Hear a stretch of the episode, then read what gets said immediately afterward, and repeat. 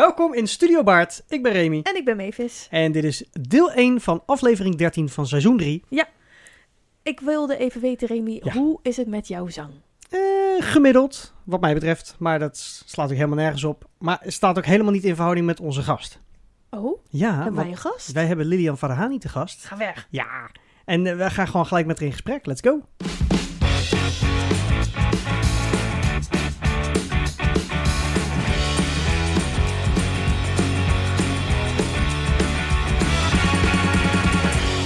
Lilian, welkom in de studio. Dankjewel. Welkom in Studio Baard. Daar ben ik dan. Ja, Eindelijk is het gelukt. nou, dat ook. En om, om inderdaad een datum te vinden. Maar wat, wat leuk is dat eh, eh, wij, eh, Lilian en ik, maar ook Mavis en Lilian, eh, wij kennen elkaar allemaal. Eh, uit 2006 Zes, zei hadden we even net, ja. teruggerekend. 2006. Ja, Nou ja, of nog eerder, of niet? Oh ja, toen was de voorstelling. Dus Ja, dan kennen we elkaar. Oh, Ja, dan is het vanuit 2005. 2005. Ja, natuurlijk. Ja, scheelt. ja, ja, ja. ja. ja, dat scheelt toch, hè? Wanneer ben je jarig? Was je toen nog 13 of toch al 14? Nee, ik was al wel 14. Oké. Nee, maar als het 2005 was, dan was ik ook al 15. Bedenk ik me nu opeens. Oké. Zo had ik het Dus- toch goed. Dan had je het toch goed. Ik zei van tevoren, zoals 15 volgens mij, ja. ja, ja. Nee, maar als jij nu zeker weet dat dat 2005 was, dan was ik, dan was ik 15. Nou, Dat is Ja. eh, onze jonge jaren, zeg Ja. maar. eh. ja, want- nee, hallo, Lilian was 15. Ja, maar nee, dat is waar. Dat is, eh, dat is waar. Ehm, maar wat ik interessant vind om te weten, want dat heb ik destijds nooit gevraagd. En dat heb ik nu ook nog niet gevraagd, maar ik ga het nu wel vragen. Eh, Lilian, voor jou eh, theater, waar begon dat? Wat, wat zijn jouw eerste ervaringen geweest met theater? Hoe jong was je? Hoe klein was je? Waar, waar zag je en hoorde je dat? Ehm, nou, mijn eerste ervaringen met theater waren denk ik wel op school. Eh, ik zat op de vrije school in Den Haag. En dat is per definitie een creatieve school waar, waar veel aan muziek en theater en, en creatieve vakken wordt gedaan. Dus ehm, ik denk dat ik op mijn zesde of zo, of mijn zevende, zat ik in een kinderkoor. En met dat naschoolse kinderkoor deden we ook wel eh, ja, musicaltjes of van die kindermusicals. Een fluitje van een cent of de eh, kinderopera heet dat trouwens, Broendibar. Dus, eh, nou ja, en dat deden we dan echt wel gewoon met, met alles erop en eraan. eh, En decor en kostuums. En dan zat ik dus al in mijn eerste mini-opera of mini-musical. Ehm, dus, en op school deden wij jaarlijks wel toneelstukken ook. Dus dat heb ik wel echt met de paplepel ingegoten gekregen. Maar voor mij, een van de belangrijke eerste grote stukken was toch ook wel een beetje met jullie. Oké. Zo, toen ik zo rond eh, de leeftijd van 14, 15 kwam ik in die musical scene terecht. Ja. En ehm, ja, dat is voor mij super vormend geweest. Misschien Dus- een leeftijd ook waar je iets bewuster bent van wat je aan het doen bent of zo. absoluut. En dat ook eh, een bepaalde mate van eh, je, je persoonlijkheid al is ontwikkeld. Dus daar bleek ik de persoon te zijn die, of de persoon te worden die ik nu ben geworden. Of Ja. ben, nou ja, hè, ik ben het nog niet geworden, maar ik ben nog onderweg. Denk ik. Maar in elk geval, daar begon dat wel heel erg. Dus dat, dat fanatisme voor, eh, voor zingen en theater en eh, met een stuk bezig zijn en een rol leren en met een script eh, in de kantine, op school, in de pauze, mijn, mijn lijntjes leren. Dat is in die periode dat ik jullie heb leren kennen, is dat bij mij eigenlijk heel erg gaan leven en ja, nooit meer overgegaan. Nee, nou ja, dat is gelukkig voor velen van ons eh, inderdaad. Ja, als je het eenmaal hebt ontdekt, dan voel je je er helemaal in thuis. Eh, want hoe, hoe, wat kun je nog terughalen van, van de eerste producties die je dan deed op school of, of eh, met ons op de vereniging? Ehm, wat kan ik terughalen? Ja, heel veel. Eh, die, die tijd of gewoon het, het doen van dat soort producties was zo vormend voor mij en zo belangrijk. En dus zelfs al als kind vond ik het een van de belangrijkste dingen waar ik dan op dat moment mee bezig was. Dus ik herinner me bijvoorbeeld eh, toen ik die jeugdopera Broendibar deed. Ehm, nou ja, daar zaten allerlei verschillende rollen in. Eh, De rollen van een, jo- een jongetje en een meisje. En alle kinderen wilden natuurlijk ofwel het, jong, het jongetje of het meisje zijn. Maar er kwamen ook allerlei dieren in voor. En dat waren ook hele leuke rollen. Maar de, de orgelman Broendibar, wat een orgelman Man, was, ja. die had de meeste solo's. Aha. Dus die wilde ik. Ja, ja. Maar niemand, niemand wilde dat eigenlijk. Want ja, wie wil er nou een orgelman zijn als kind van 7, 8 Ja. of zo? Ehm, maar ik dacht, ja, maar dan heb je meer solo's. En ik vind zingen heel erg leuk, dus ik moet dat hebben. Dus eh, nou ja, op die manier ging ik dus zelfs al als echt klein kind... ging ik dan voor die, voor die hoofdrol, weet je zo. Ja. De titelrol. Geweldig. Dus, dus dat, ehm, ja, dat kan ik wel, wel terughalen. En Maar kreeg je die ook dan? ja, die kreeg ik. Ja.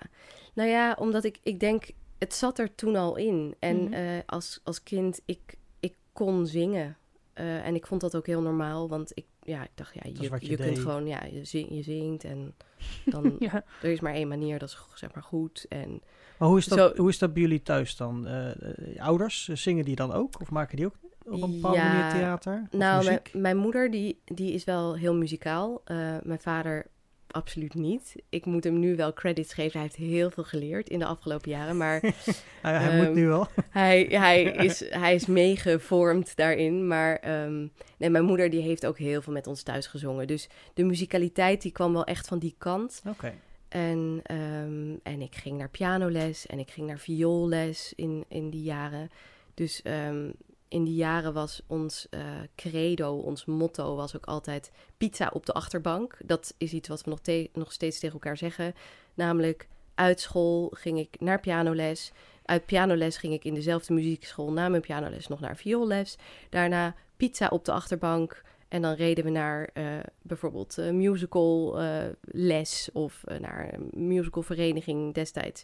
Dus ehm, op die manier was ik super actief en ja, ging ik van de ene plek eh, van met theater en zingen en muziek maken naar de andere en naar orkest. En ja, het, voor mij was dat gewoon een van mijn hoofdbezigheden naast school. Ja, wat, jij wilde dat en je ouders maakten dat mogelijk. Ja, ja, en dat is wel iets. Ik ben mijn ouders daar super dankbaar voor. ehm, dat ze altijd hebben gezegd eh, tegen mij en mijn broer: van wij steunen jullie in alles op het moment dat je je ervoor inzet. Als jij heel graag iets wil eh, en je bent gemotiveerd, dan gaan we het proberen te regelen. En dat betekende heel veel ritjes met de auto eh, door mijn moeder of eh, mijn vader eh, aan de zijlijn. Ja. Altijd het halen en brengen en het, op, ja, het, het, het ehm, aan de zijlijn staan. En ja, op die manier hebben zij heel veel gefaciliteerd. En nog steeds ook. Dus ehm, dat is iets wat zij, ja, wat ze altijd in ons hebben aangemoedigd. Om jezelf te ontwikkelen ook. Ja. Dus, ehm, eh, en zolang wij dat wilden en, en ons best deden en vroegen om meer, terwijl al het andere ook goed ging en hè, de, de schoolresultaten mochten er niet onder lijden, et cetera. Ja. Dus dat soort dingen wel. Goede voorwaarden Eh gesteld. ja. goede voorwaarden werden wel gesteld. En ehm, soms kon het ook wel eens te veel worden, natuurlijk. Maar in principe was het van: hé, hey, zolang jij dit kan, zolang je dit wil en je inzet, gaan we dat doen. En ehm, nou ja, dat is echt fantastisch, want dat heeft in die jaren ook eh, echt gemaakt dat ik me heel breed kon ontwikkelen. Want ik was super ijverig en ik had er zin in. En alles wat met muziek en theater te maken had, wilde ik. Ja. Dus ja, niks was me te veel. En ik Ja. zat dan ook wel op sportdingen. nou, daar was ik dan ook wel redelijk fanatiek. Tot ik iets minder fanatiek was. En dat liet ik dan ook als eerste vallen. Ja. Ehm, maar ja, op die manier. eh, Wel mooi. Ja, ja. grappig. ja, dus pizza. Maar pizza op de achterbank, dat, Dat is een is ding het. bij ons. Ja. Dus Ja. eh, eh, er zijn nog steeds wel situaties waarin ik dan eh, zag van, nou, ik, heb, ik kan een auditie hebben daar, in, nou, ergens in het buitenland. Maar ja, ik moet de volgende ochtend in Amsterdam bij de Nationale Opera zijn. Maar als ik dan pizza op de achterbank doe, weet je wel, op die manier. Ja. En op die manier heeft mijn moeder mij bijvoorbeeld eh, nog, nou ja, recent wil ik niet zeggen, dat is ook alweer een paar jaar geleden, maar zijn we samen naar Zuid-Duitsland gereden, naar Regensburg, omdat ik daar een auditie had. En dus de volgende ochtend in Amsterdam moest zijn. Maar er was geen, ver- geen vlucht en geen treinverbindingen die op tijd mij van, eh, nou ja, Regensburg weer terugkregen naar Amsterdam. Oké. Maar ja, als je en daar moet zijn en een auditie daar. En het waren allemaal kansen. Nou ja, toen zei mijn moeder, oké, dan gaan we rijden. Dan rijd ik wel mee. Wauw. Dan gaan we samen naar Regensburg. En eh, nou ja, pizza op de achterbank. Ja. En eh, let's go. Dus ja, mooi hoor. ja. Er zijn veel ouders die zeggen dat kan niet. Je kan niet alles doen. We hebben geen tijd voor. Of... Ja. Ja. Ja. ja, nou ja, en ik bedoel, er zal ongetwijfeld wel een limiet, er zit een limiet ook aan. Ja. Ehm, Ja, weet je, kan niet maar, op twee plaatsen tegelijk zijn. Nee, maar eh, daarom, daarvoor heb je dus pizza op de achterbank. Zolang pizza op de achterbank lukt en je kunt dus Ja. ja. wel eerst Ja. het een en dan het ander doen en desnoods word je maar een beetje moe. Ehm, en dat gold dan ook voor mijn ouders, van desnoods worden we een beetje moe, maar we gaan Als jij dit laten wil, werken. dan gaan we het dat doen. resultaat. Ja, Ja. dan, ehm, Wow. ja, ja, dus ja, dat is hoe we het, eh, hoe we het doen. Gaaf, leuk. Want, je, eh, want ook je broertje eh, heeft destijds natuurlijk ook eh, met dezelfde vereniging bij ons meegedaan. Ja, Ehm, eh, is die ook in dezelfde activiteiten blijven hangen? Of heeft hij eh, ergens het Eh, roer omgegooid? Die eh? heeft wel het roer omgegooid. Die zei op een gegeven moment, eh, toen ik echt al lang en breed het kunstvak in was gegaan.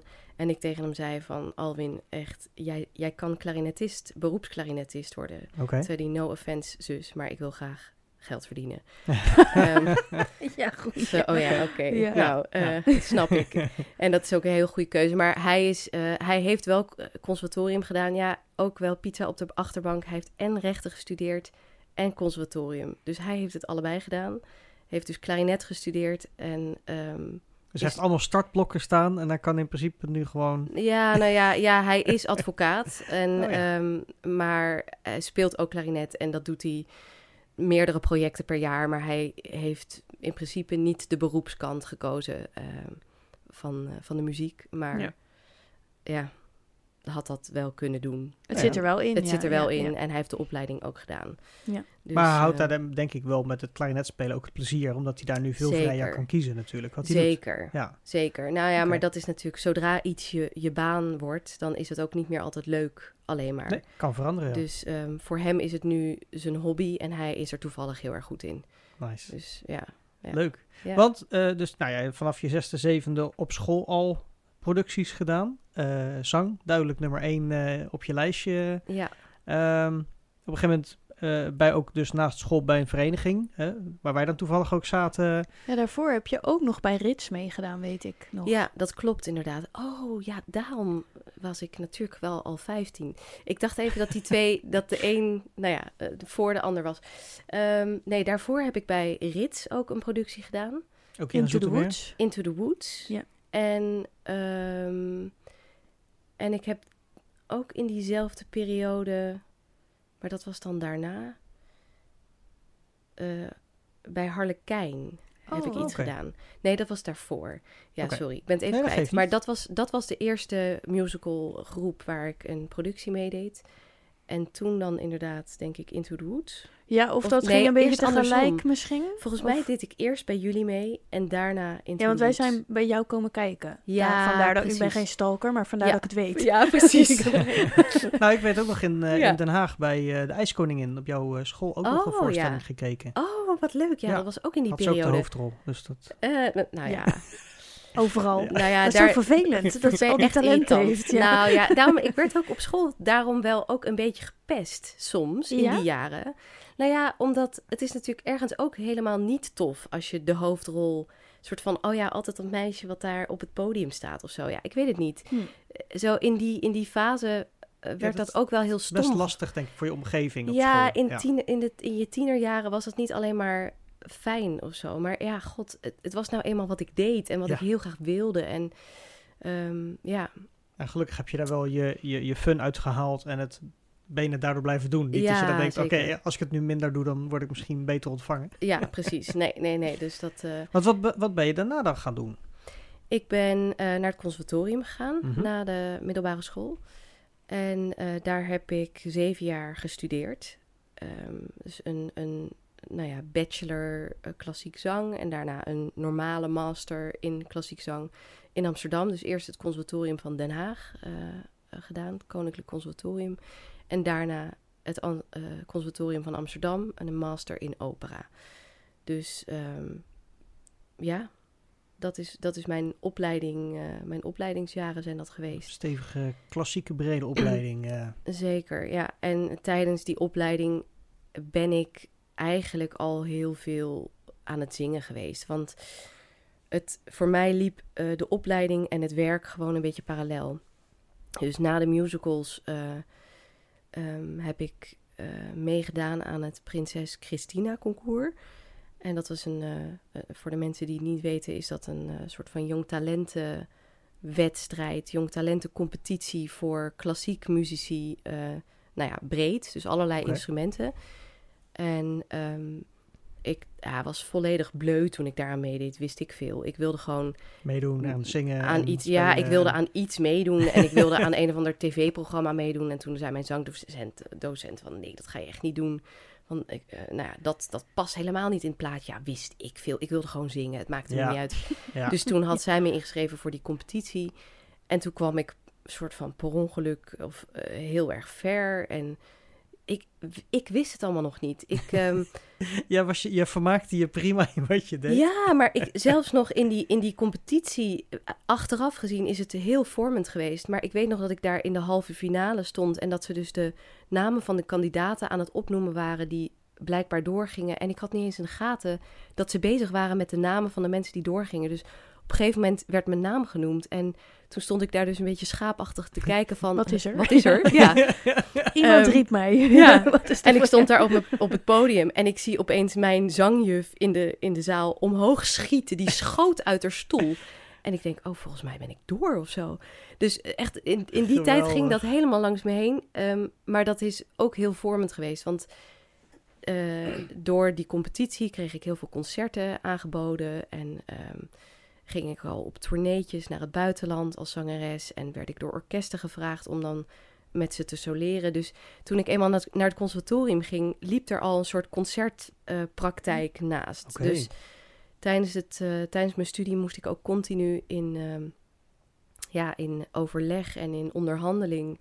Veel pizza op de met achterbank. heel veel pizza op de achterbank, ja. Met mijn docenten van, oh, eh, ik weet dat tentamenweek eraan komt, maar ehm, Kan ik? ik heb drie concerten. Eh, mag ik misschien Ja. ja. eerder weg uit die les? En ik beloof dat ik het inhaal. Weet je wel, ik moest altijd proberen het dan Super samen plannen, te, te laten echt. gaan. Ja, ja, ja. Ja, en inderdaad, pizza op de achterbank, wat je, wat je zei. In die periode, gigantisch pizza op de achterbank. eh, want Ja. ik zat dan al in, in producties ook. En, en daarnaast natuurlijk toch ook gewoon nog op school. Dus dan deed ik bijvoorbeeld een schoolvoorstellingentour met Holland Opera. Nou, dat waren dan 50 shows Zo. door het hele land. 50. En dan daarnaast had ik gewoon in mijn voltijd opleiding. Had je al werk? En had ik, ja, of, ja, dus eigenlijk deed ik gewoon dat. En dan eh, tussen de voorstellingen door, dan hadden we soms twee shows op een dag. En dan in de, in de pauze moest ik keihard studeren, want ik zat natuurlijk gewoon, ik moest dingen voor school doen. Dus Ja. op die manier waren die, die werkweken eh, waren ook gestoord. Maar ik wilde het. Ik Mhm. wilde het heel Ja. graag. Dus Ja. ja. dan ga je. Dus eh, Ja. zo, zo ben ik een beetje mijn... eh, Ja, nou ja maar, maar, ja, maar dat, dat eh. harde werk en ook de, de, natuurlijk de wil en de inzet eh, die je met dank aan je ouders natuurlijk ook kunt hebben.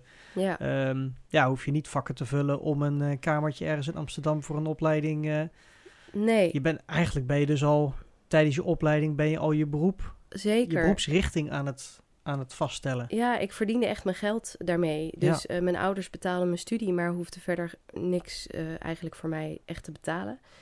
Want dat deed ik zelf en daar ontleende ik ook zeg maar trots aan. Van, nou, ik kan, ik, ik, kan ja. mijn eigen broek ophouden. Ja.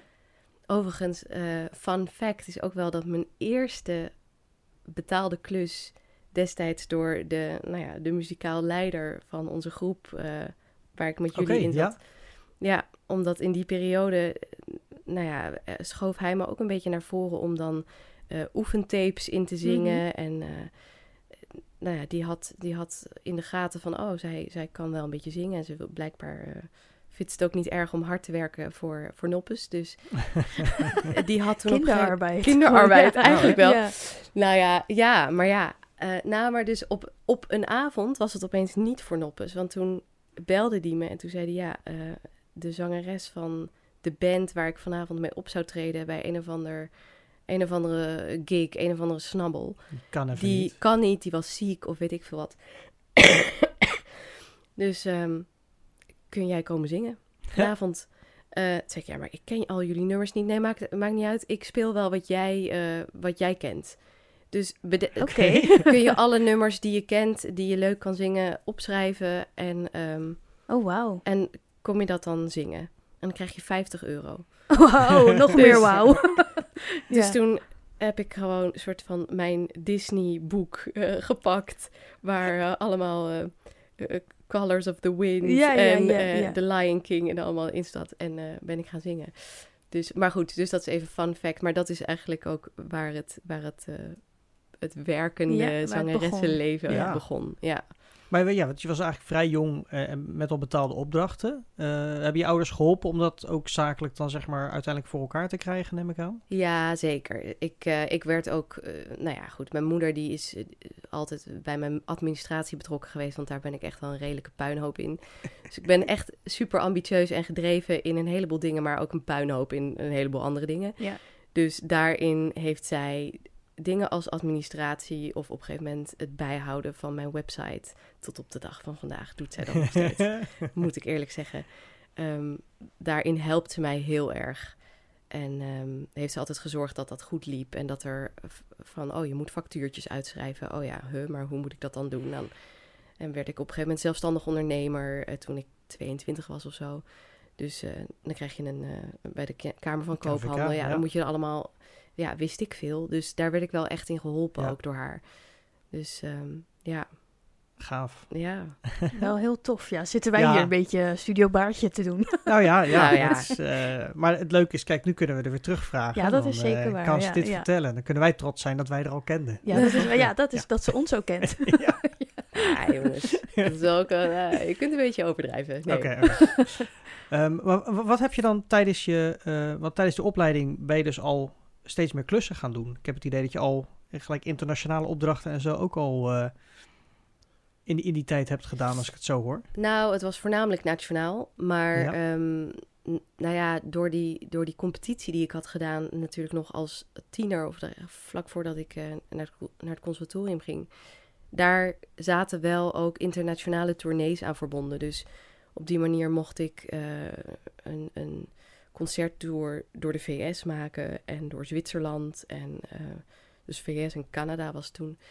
Ja, oh ja. En ehm, oh ja, dat was ook in het eerste jaar van mijn opleiding mocht ik ook opeens in Carnegie Hall in New York optreden. Oké. Ehm, dat was ook zoiets heel bizars. Dat is ook nog zo'n gevleugeld, eh, gevleugelde woorden gebleven. Eh, met name tussen mij en mijn moeder.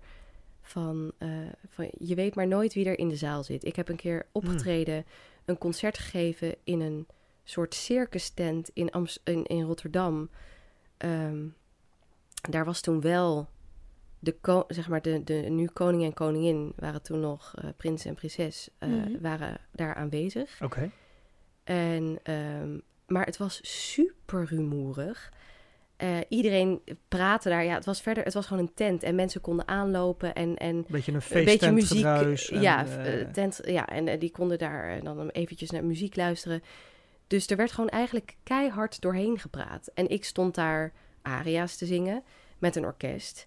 En ik had echt het gevoel, niemand luistert. nee.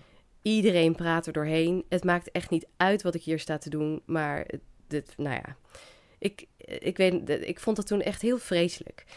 En daar was toen blijkbaar toch iemand aanwezig die dacht: hé, hey, dat, is, dat is geinig. Ik ga haar uitnodigen voor een eh, concert in het concertgebouw. En dat was dan, die avond was dan ook een soort, ook weer een soort mini-wedstrijd van een aantal optredens die dan in het concertgebouw mochten eh, performen. En dan zouden een selectie daarvan in Carnegie Hall in New York mogen optreden.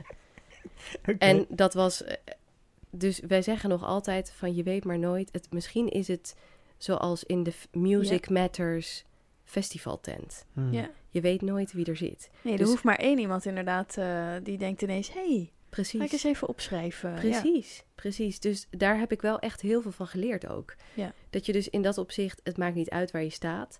Je moet zorgen dat je voorbereid bent. Je moet zorgen dat je er tip-top uitziet. Je moet zorgen dat je gewoon goed staat te performen. Al heb je het gevoel, gevoel dat niemand naar je luistert. Want misschien luistert één persoon wel. Ja. En daar doe je het dan voor. Ja. En je weet maar nooit hoe iets nog weer ergens van komt. Dus ehm, ja, zo heb ik allerlei geinige wel Ik heb wel geinige het idee inderdaad, als ik het zo hoor, dat je, op, eh, eh, dat je al vrij snel een hele professionele attitude eh, daardoor hebt gekregen. In positieve zin, waarbij je dus inderdaad gewoon weet dat je komt performen. En Ja. dat is ook waar je je op focust. En dat is wat je dan ook komt doen.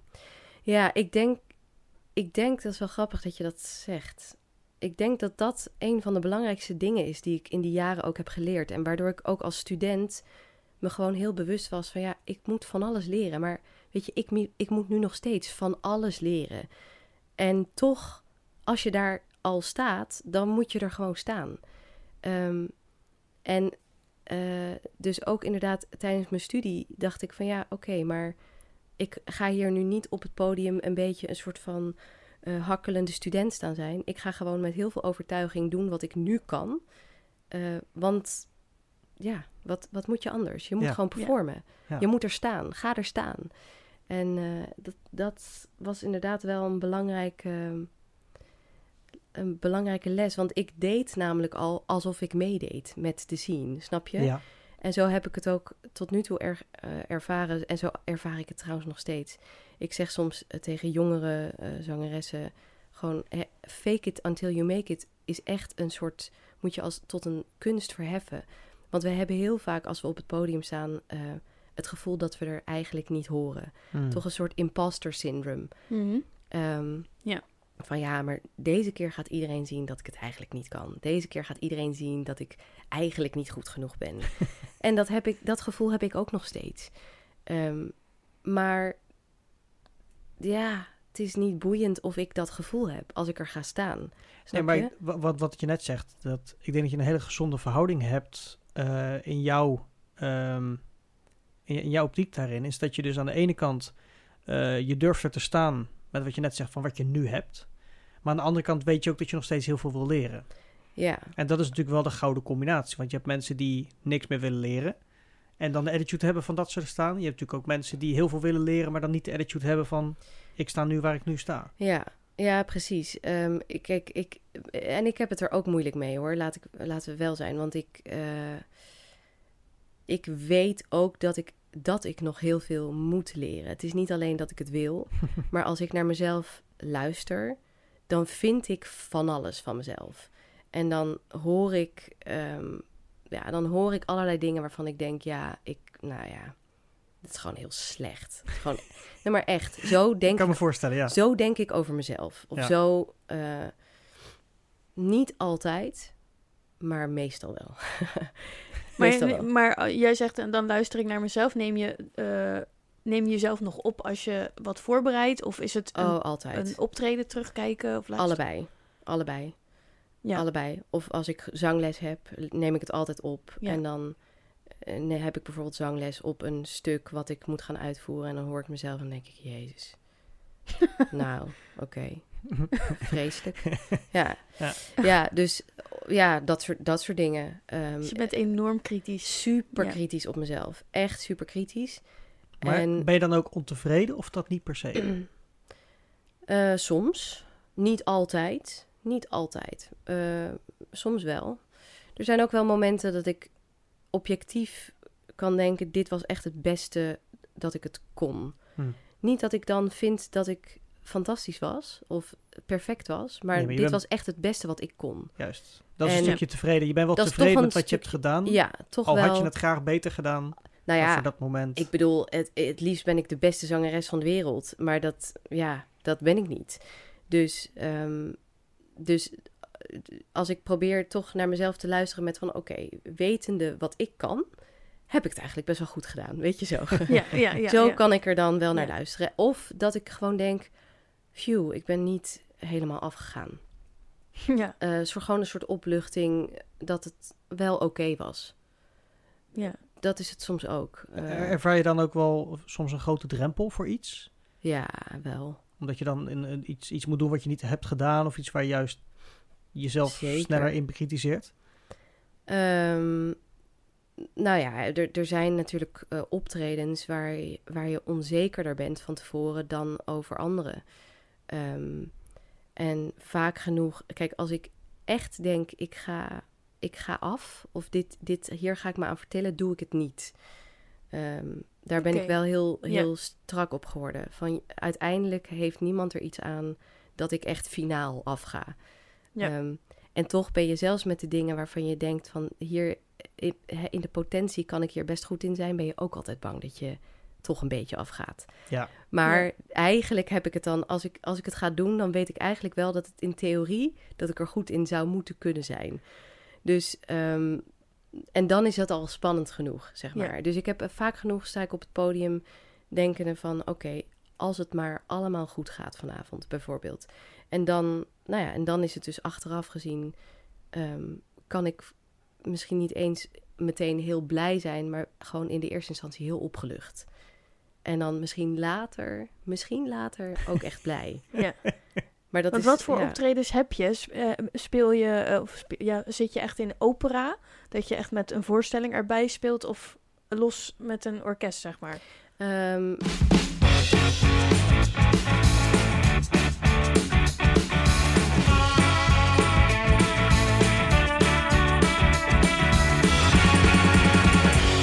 Ja, en dat antwoord horen we pas in deel 2. Ja, klopt. Ja, want dit is het einde van deel 1.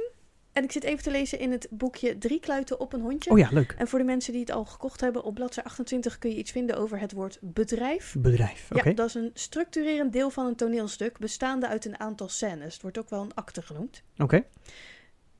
Vroeger viel vaak het doek na een bedrijf. En nu wordt de toeschouwer minder rust gegund en wordt er doorgespeeld. Oh ja, soms nog een blackoutje en anders gewoon doek dicht. En nu niet meer. Oké. Ja. Dus ik wilde dat eigenlijk nu doen. Ja, dus we gaan nu doek dicht. Het doek dicht doen. Oké. En dan Ja. deel 2 gaat doek open. Het- Oké, nou dan ga- gaat nu doek dicht. Joep.